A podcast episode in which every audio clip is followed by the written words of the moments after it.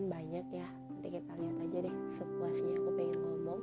Karena hari ini aku pengen cerita Tentang uh, isi kepala aku. Tentang isi kepala aku. Dah gimana sih? Ya uh, Kurang lebih adalah tentang lagunya anak kuliahan yang galau capek mikirin skripsi atau capek mikirin tugas-tugas kuliah lalu nyeletuk dengan mudahnya ah udah aku mau nikah aja capek kuliah. Ah sih aku pernah ada di fase itu bahkan aku pernah karena aku termasuk orang yang punya target nikah muda saat itu. Target nikah aku umur 23 dan sampai sekarang belum gimana sih? Ya nggak apa-apa kan kita wajib berencana. Eh kita hanya berencana masalah hasil Allah yang menentukan gitu.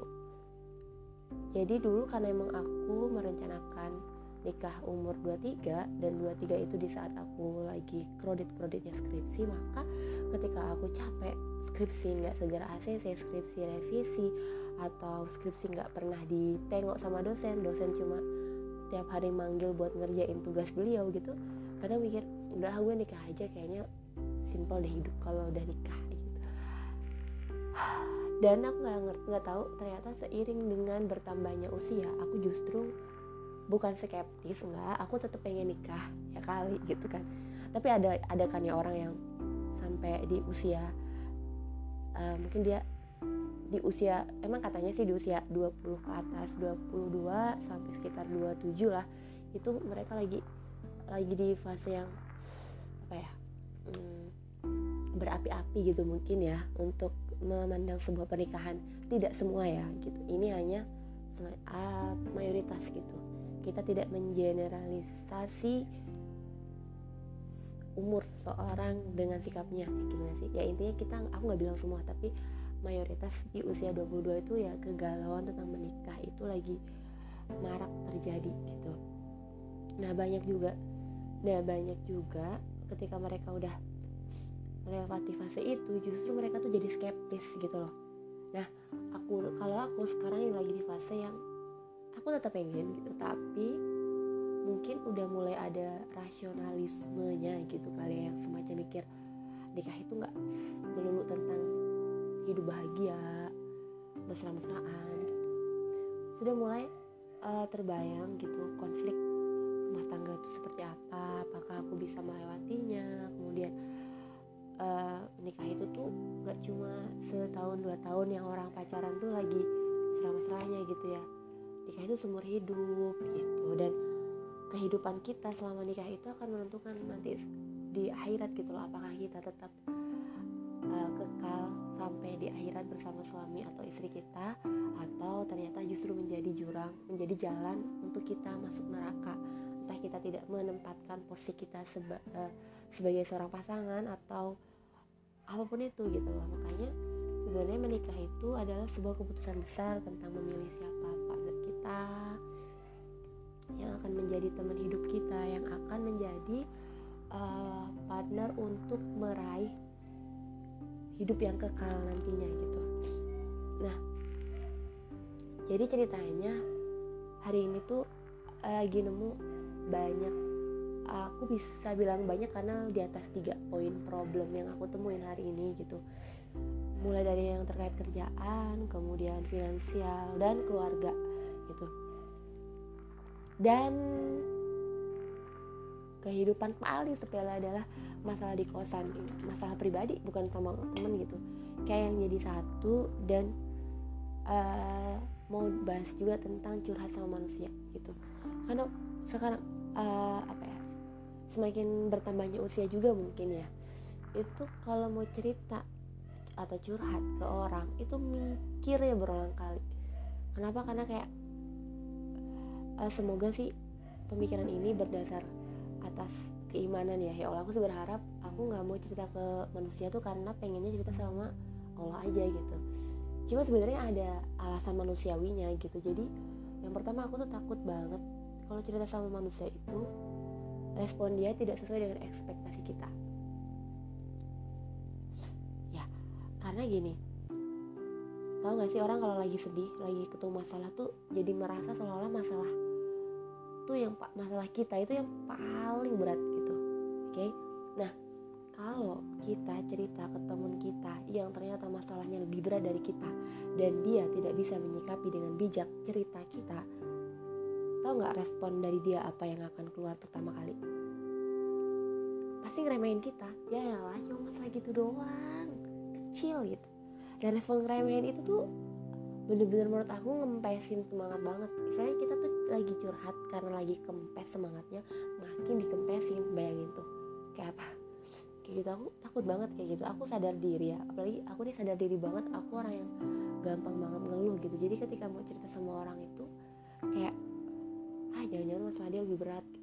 Meskipun sebenarnya egoku tuh selalu bilang enggak masalah gue yang paling berat. Kayak gitu.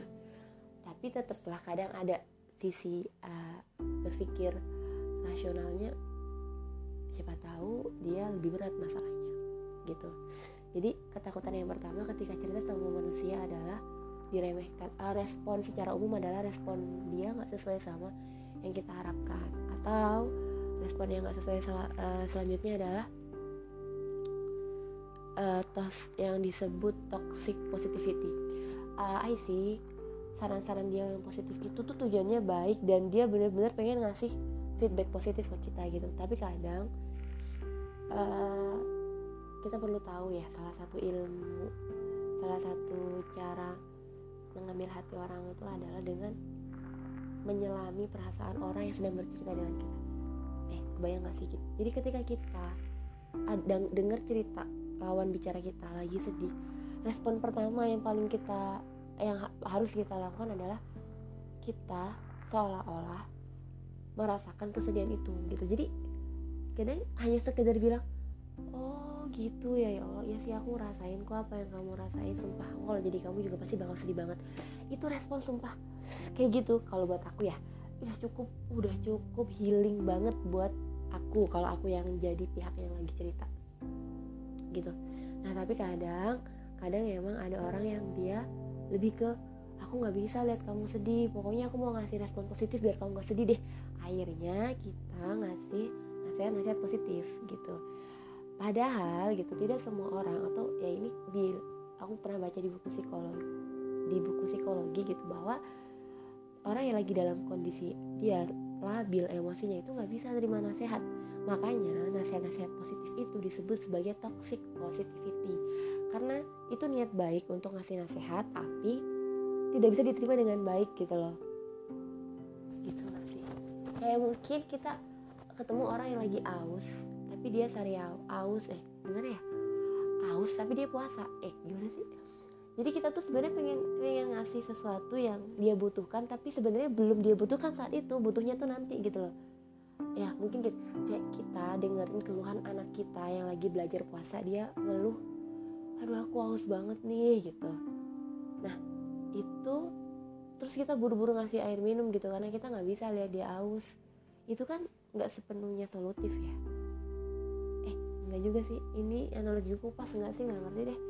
Pokoknya pada intinya uh, aku tahu ketika aku di posisi orang yang lagi curhat terus dikasih nasihat-nasihat nasihat-nasihat positif itu tujuan kalian adalah untuk memberikan support positif. Tapi kadang nasihatnya itu jadi terasa kayak menyudutkan. Jadi seolah-olah seolah-olah aku misal aku yang di posisi yang lagi curhat itu ngerasa seolah aku tuh nggak bisa dapetin positif insight itu saat aku kena masalah. Karena aku juga sering sih ketika dapet positif feedback itu jadi iya aku tahu kok aku harus nggak uh, melakukan apa yang kamu sarankan. Misal sabar badai pasti berlalu kok. Dalam hati tuh aku juga pasti jawab iya aku tahu harus sabar masalahnya ini ini tuh lagi bergejolak gitu loh. Walaupun padahal sebenarnya definisi sabar adalah ketika di pukulan pertama ya ketika bergejolak itu kita sabar. Tapi gimana ya? Ya, ya aku masih lemah jujur gitu. Jadi gitu sih. Nah dari situ tuh aku jadi ngerasa jadi mikir gini. Apakah yakin menikah itu menjadi solusi dari permasalahan-permasalahan sepele yang aku nggak pernah bisa selesaikan? Mungkin kita kebayang kalau nikah akan ada temen yang bisa bantu menyelesaikan masalah-masalah kita gitu. Tapi let's say hey hey kamu yakin bisa nemuin pasangan yang sesuai ekspektasi kamu yang memang benar-benar solutif gitu? Apakah apakah kita bisa jamin bahwa pasangan kita itu bisa menjadi orang yang selalu sikapnya sesuai dengan keinginan kita? Hey pasangan kita itu nantinya sudah jelas dia tuh beda kepala dengan kita beda isi kepala dengan kita beda pola pendidikan keluarganya, beda latar belakang keluarga, beda sejarah, beda beda pengalaman yang dialami gitu. Jadi akan sangat mungkin respon yang dia berikan pun tidak sesuai dengan keinginan kita gitu. Jadi jangan pernah berharap menikah itu menyelesaikan semua masalah yang kita alami saat kita single selama kita belum bisa menyelesaikan masalah yang kita alami saat kita single. Gimana sih? Jadi jangan pernah bertumpu pada orang lain untuk bisa menyelesaikan masalah kita kalau kita sendiri tidak pernah bisa menyelesaikan masalah kita gitu. Jadi mandiri dulu deh selesaikan sendiri dulu konsep diri masalah diri sendiri sebelum minta tolong orang lain gitu. Karena karena kalau kita belum bisa menyelesaikan masalah sendiri itu tuh PR akan menjadi PR dan kalau kita maksain diri menikah dengan PR-PR itu jadi siap-siap aja kita mengerjakan PR yang berkali lipat bebannya. Karena PR kita belum selesai nanti ditambah dengan PR adaptasi dengan pasangan kita ditambah yang kita nggak tahu ternyata pasangan kita juga punya PR tiga lipat tiga kali lipat PR yang harus kita kerjakan. Jadi selesaikan diri sendiri selesaikan masalah baru genap baru menggenaplah dengan orang lain. Mungkin gitu ya. Dan itu mungkin salah satu alasan kenapa sampai hari ini aku belum nikah. Baik dari alasan Allah belum ngasih aku jodoh atau dari aku yang memang belum memutuskan dengan siapa menikah gitu. Tapi yang aku yakini ketika aku belum menikah ketika aku belum dipertemukan dengan jodoh aku berarti memang Allah tuh merasa aku belum butuh. Tapi juga perlu ngerasa aku perlu se segera memperbaiki diri gitu sih. Itu aja sih mungkin mungkin ngelor ngidul ya. I don't know. Untuk Binta di masa depan kalau dengerin cerita ini semoga kamu bisa merefleksi bahwa kamu sering banget galaunya. Oke Binta semangat fighting. I love myself. Assalamualaikum warahmatullahi wabarakatuh